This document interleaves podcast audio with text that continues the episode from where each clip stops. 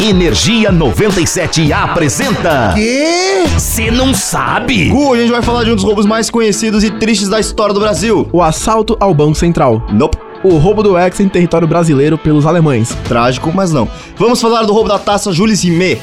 Oh, verdade! A taça já teve o nome do primeiro presidente da FIFA. Uau, olha esse Gustavo Curto. Curto. Perdão, mas enfim, em 1970, Brasil tricampeão, concedido posse de definitiva da Jules Rimet. Ou seja, 70 foi um baita ano. Sim, sim, que seleção, inclusive. Porém, essa alegria não durou muito. Em 1983, o grupo integrado por Sérgio Peralta, Chico Barbudo, Luiz Bigode, Juan Carlos Hernandes e Antônio Seta, o grupo integrado por eles invadiu o prédio da CBF, dirigiu-se ao nono andar e, utilizando uma- um pé de cabra, removeram o vidro blindado que protegia Jules Rimet, assim como outras taças de ouro, as taças Independência, Equitativa e Jurito. E todos eles foram caçados e devidamente presos, correto? Exatamente, mas a taça em si jamais foi encontrada, dando margem à especulação de que ela foi derretida e que aquele colar de ouro do seu avô poderia assim ter um pedaço do, da Julinho Rimetinho. Ah, que horror. Ok, mas aí, se você curte umas curiosidades extremamente roubadas, Porém, incrivelmente, La Casa de Papelescas,